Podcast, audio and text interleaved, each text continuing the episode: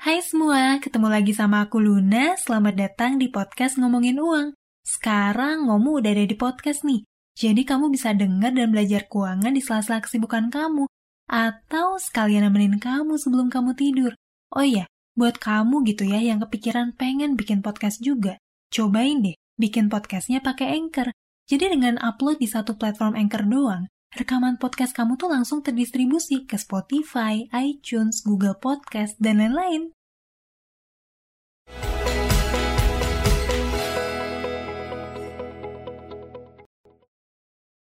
Kalau ngomongin tentang saham, mungkin sebagian dari kamu langsung mikir tentang investasi berisiko tinggi yang bisa bikin kita rugi banyak.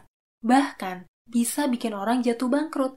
Gak jarang juga nih, kita ngelihat orang-orang yang sharing di sosial media tentang kerugian mereka saat berinvestasi saham, entah berinvestasi secara langsung, melalui jasa konsultan, ataupun rugi setelah beli reksadana saham yang dikelola sama manajer investasi. Gak cuma itu aja, mungkin udah beberapa kali juga kita dengar nasihat dari orang-orang sekitar, supaya kita tuh hati-hati atau bahkan menghindari investasi saham. Tapi di sisi lain nih, ada banyak juga cerita dari orang-orang yang sukses berinvestasi saham, mulai dari Palo Keng Hong yang bisa jadi triliuner dari berinvestasi saham. Ada juga Andika Sutoro Putra yang bisa jadi miliarder di usia muda dari berinvestasi saham. Dua sisi cerita itu mungkin bikin kita jadi maju mundur dalam berinvestasi saham. Pengen beli saham sekarang tapi takut rugi. Pengen belajar tapi belum sempet. Akhirnya nggak jadi-jadi deh beli sahamnya. Atau bahkan kita nunda-nunda terus bikin akun sekuritas buat bertransaksi saham. Kalau dipikir-pikir nih, kenapa sih bisa ada orang yang rugi gede banget saat berinvestasi saham? Apa fluktuasi harga saham tuh senyeremin itu ya? Atau karena banyak investor pemula yang salah milih saham dari perusahaan yang kurang berkualitas, makanya harga sahamnya jatuh dan akhirnya tuh ngalamin kerugian yang besar. Atau kenapa ya kira-kira? Aku ngerti banget banyak pemula yang takut dalam berinvestasi saham, karena belum punya pengetahuan yang cukup untuk bisa ngerti sekian banyak perusahaan yang tercatat di Bursa Efek Indonesia.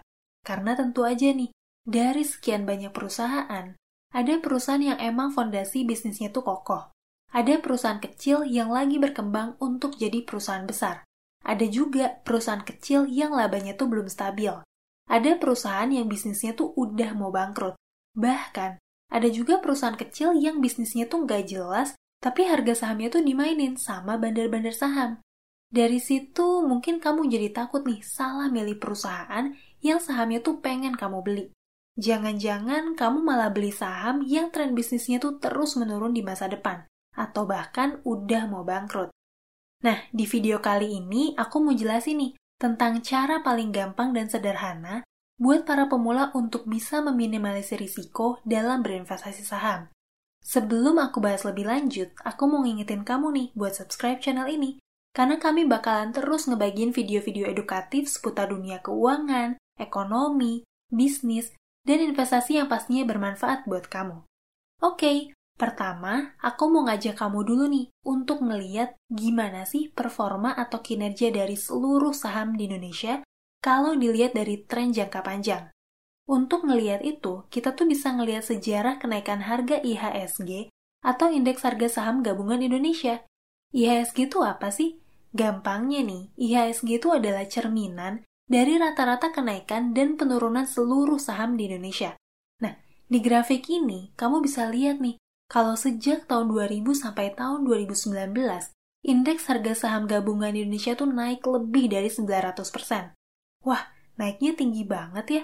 Ya memang, sebetulnya kalau ngelihat dari kacamata tren jangka panjang, kenaikan harga saham di Indonesia tuh luar biasa banget.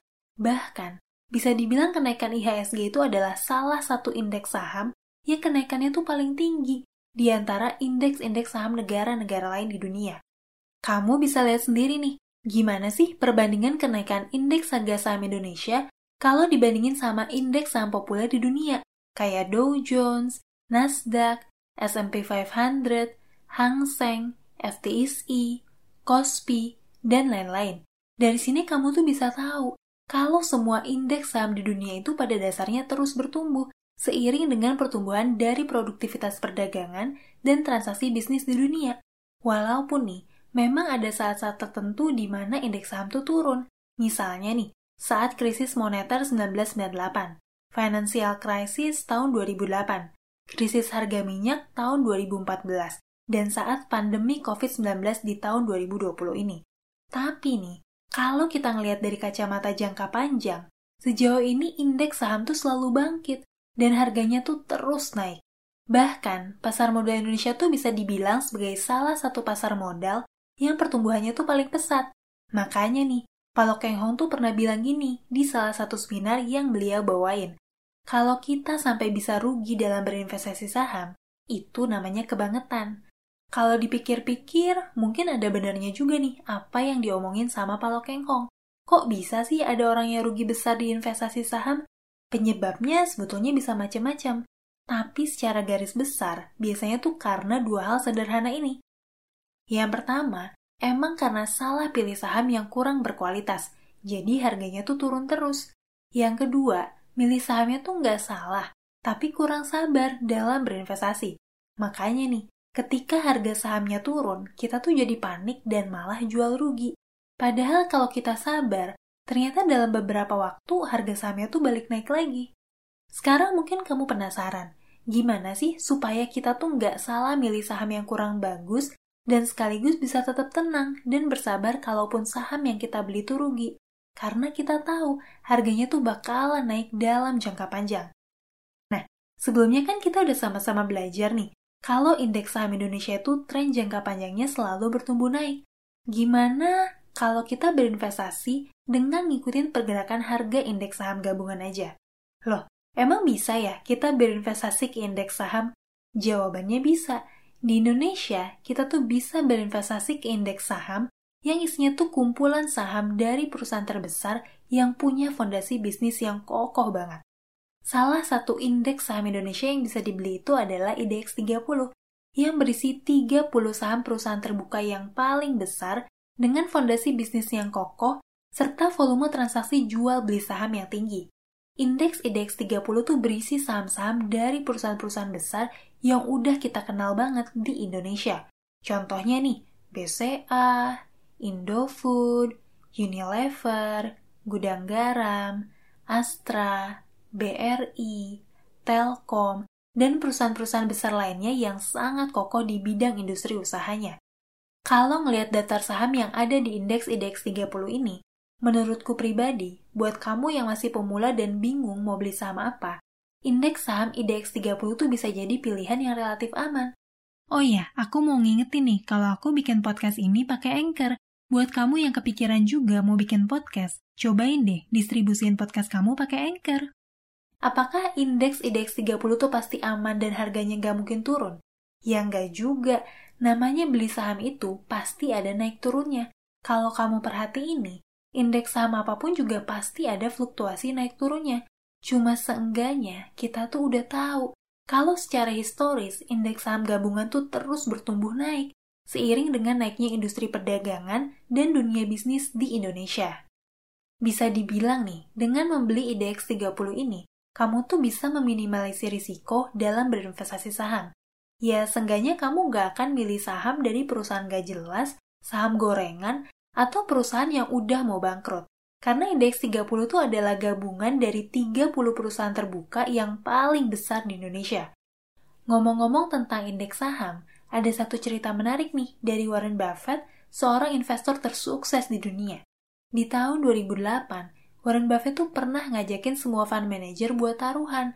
Kalau imbal hasil dana yang dikelola sama fund manager itu gak akan bisa ngalahin kenaikan harga indeks saham S&P 500. Taruhannya tuh berlangsung sekitar 10 tahun dan ternyata Warren Buffett yang menangin taruhannya.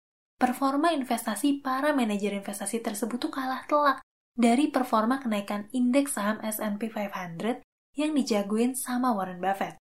Warren Buffett sendiri tuh pernah bilang kayak gini nih, dengan berinvestasi pada indeks saham secara berkala, orang awam sekalipun tuh bisa ngalahin para investor profesional.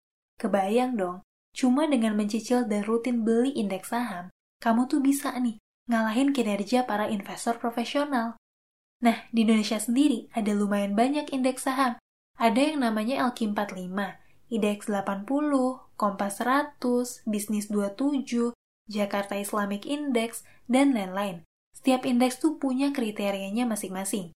Misalnya nih, Jakarta Islamic Index yang berisi 30 saham syariah yang punya kinerja keuangan yang baik dan likuiditas transaksi yang tinggi. Ada juga indeks Rike Hati yang berisi 25 saham berkinerja baik dan ramah lingkungan. Tapi menurutku nih, buat kamu yang masih pemula, yang paling aman adalah indeks 30 yang berisi 30 saham dengan likuiditas tinggi, kapitalisasi pasar besar, dan fundamental perusahaan yang baik.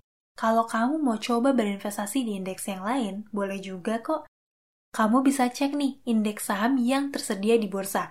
Apa kriteria indeksnya dan apa aja sih isi sahamnya. Oh iya, berinvestasi di indeks ini juga secara otomatis memecah risiko kita ke beberapa saham sekaligus. Misalnya nih, ketika saham-saham pertambangan kayak Adaro Energi dan Bukit Asam tuh harganya lagi jatuh. Kerugian itu tuh bisa tertolong karena saham consumer goods kayak Unilever dan Indofood tuh harganya lagi naik. Jadi dengan membeli indeks, secara nggak langsung kita tuh ngelakuin diversifikasi dalam investasi saham kita. Sekarang pertanyaannya, gimana sih cara beli indeks saham? Berdasarkan pengalamanku nih, kamu bisa beli indeks dengan dua cara. Yang pertama adalah beli reksadana indeks, dan yang kedua adalah beli ETF indeks. Kita bahas satu-satu yuk. Yang pertama, beli reksadana indeks. Kamu bisa nih beli reksadana indeks di agen penjual reksadana, kayak Bibit, Bareksa, Ajaib, dan lain-lain. Kamu bisa pilih tempat belinya sesuai preferensi kamu. Misalnya nih, Aku punya reksadana IDX 30 yang aku beli di aplikasi Bibit. Yang kedua, beli ETF Index. Kamu bisa nih beli ETF melalui akun sekuritas yang biasa kamu pakai buat bertransaksi saham. Di sini kamu bisa lihat daftar ETF yang diperjualbelikan di Bursa Efek Indonesia. Misalnya nih, ada ETF LQ45, ETF IDX 30, dan lain-lain. Nah, semoga info ini bisa bermanfaat buat kamu khususnya yang masih pemula dalam berinvestasi saham. Sebelum kamu mulai berinvestasi saham, pastiin juga nih, kalau kamu berinvestasi pakai uang nganggur atau uang dingin. Oh iya, kamu juga perlu tahu kalau indeks saham tuh juga punya fluktuasi harganya sendiri. Dan gak menjamin kalau kamu tuh bakal dapat keuntungan dalam jangka pendek. Dan gak menjamin kalau kamu tuh bakal dapat keuntungan dalam jangka pendek. Tapi yang bisa kita lihat berdasarkan sejarahnya, trennya tuh bakalan terus naik dalam jangka panjang. Oh iya, buat kamu yang pengen nonton penjelasannya dengan lebih detail dalam format video, kamu bisa nonton di channel YouTube Ngomongin Uang. Kamu tinggal search aja nih video yang judulnya sama dengan podcast ini. Oke? Aku tunggu kamu di YouTube ya. Sampai ketemu lagi di podcast berikutnya. Tetap di podcast Ngomongin Uang. Karena ngomongin uang, gak ada habisnya.